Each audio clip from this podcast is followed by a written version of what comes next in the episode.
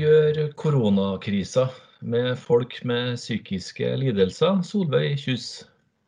Vi er mer ensomme og mer redsel for smitte, tror jeg. I hvert fall opplever jeg det veldig selv. Sånn at det meste blir forsterka. Forskerpodden i dag skal handle om eh, koronakrisa og psykiske lidelser, og hvilke følger den krisa får med folk som kanskje har det ekstra tøft fra før. Sist gang snakka vi om samfunnssikkerhet og beredskap, og i dag er altså tema psykisk helse. Navnet mitt er Vegard Smevold. Forskerpodden er NTNU Samfunnsforsknings egen podkast. I de dagene her sendt fra hjemmekontoret. Solveig Kjus er ansatt som medforsker i et forskningsprosjekt i NAPA, som er Nasjonalt kompetansesenter for psykisk helsearbeid. Som er en av fem avdelinger i NTNU samfunnsforskning. Det prosjektet Solveig Kjus er med på, ser på reduksjon av tvangsinnleggelser i norske kommuner. Dessuten så har Solveig Kjus en doktorgrad fra Institutt for romfysikk i Kiruna i Nord-Sverige. Hvordan har du det sjøl om dagen, Solveig? Jeg er egentlig mye mer aleine enn jeg pleier å være. Jeg liker å være i farta og ha mye å gjøre og treffe mye folk og sånn, men det går jo ikke i dag. Jeg kan jo ikke be folk inn til meg. Jeg har lite kontakt med venner og familie i forhold til hva jeg pleier å ha. Hjelperne mine opplever jeg, altså de som jobber i psykisk helse både i kommunene og på, på DPS, stiller opp så godt de kan etter reglene, men det, det blir jo likevel tungt når det blir uh, så stor forskjell og påsken var en særlig tung tid med alle de fridagene. Jeg liker egentlig best hverdager, som ellers i året også. At det er hverdagene som er best, for da har jeg den oppfølgingen jeg trenger. Jeg er egentlig ikke så veldig glad i verken helger eller ferier. Så, for da er det mindre tilbud. Og nå er det liksom det er nesten verre enn en ferie eller helg eh, hele tiden. Så når det da blir helligdager, fridager, helger og sånn, så, så, blir det veldig vanskelig. Det har uh, muligens vært som en søndag nå i sju, sju uker, er det? Ja. Uh, du skrev en kronikk på NAPA sine nettsider bare noen dager etter at Norge stengte ned samfunnet, der du ytra stor bekymring for hva som kom til å skje fremover. Har det blitt som du frykta? Både òg. Altså, jeg har jo klart det. Altså, jeg, har, jeg, jeg lever fortsatt og har klart meg relativt greit. Det har vært en innleggelse på, på, en uke som jeg ble utskrevet i forrige uke. Men, eh, men ellers har jeg klart meg hjemme. Men, det, men jeg kjenner at, det, at, jeg bruker mye krefter på det, og det er tungt. Hvordan er det dine psykiske lidelser arter seg? Jeg er ofte sliten i hodet. Av stemmer som befaler meg at jeg skal skade meg, f.eks. Eh, så jeg jobber hardt eh, hele dagen, hver dag med å holde kontroll på det og, og, og rett og slett bare fungere som et vanlig, normalt menneske. Men øh, noen ganger så trenger jeg mer hjelp enn det jeg Sånn at jeg da trenger en innleggelse.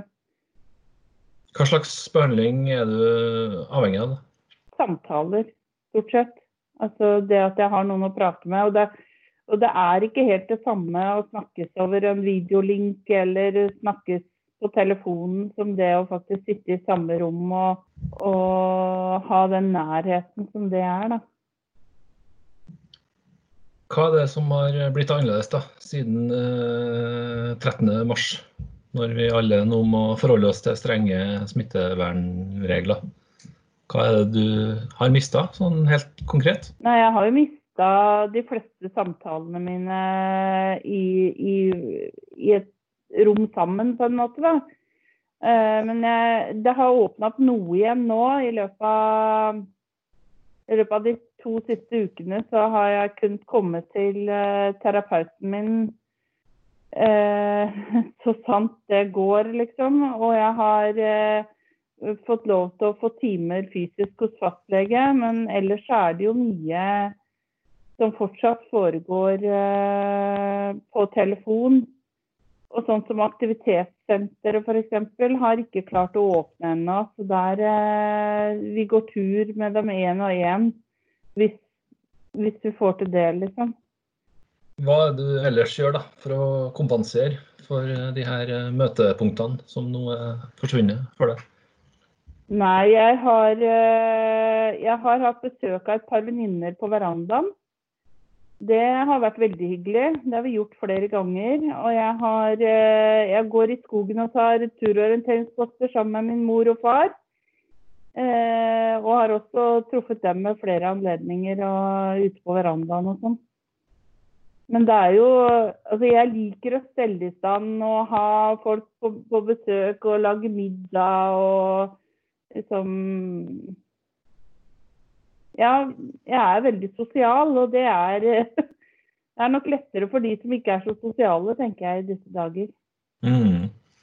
Hvor eh, god har du blitt på videochatting og sånne ting, da?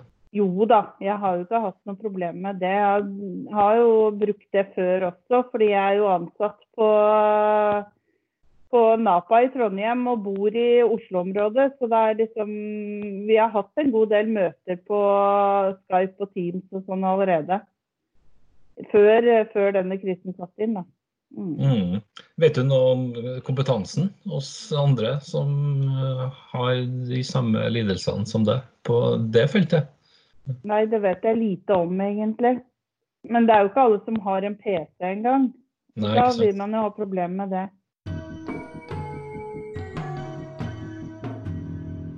Vil du si at du er sykere i dag da, enn eh, du var 12.3?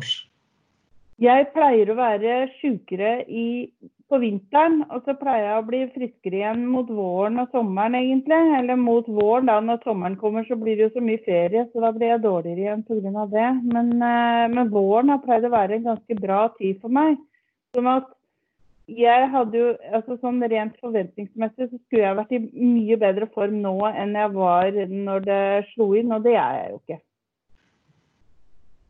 Sånn at uh, altså jeg kjenner at det røyner på, at jeg begynner å bli mer og mer sliten. Og det er, det er tungt, bare rett og slett. Uh, hverdagene er veldig tunge om dagen. Har du noe kontakt da, med andre som uh, sliter med det samme som deg nå i denne krisa? Jo, eh, lite grann, men det er ikke så mye. Jeg, har, uh, jeg går i en flerfamiliegruppe sammen med foreldrene mine og flere andre.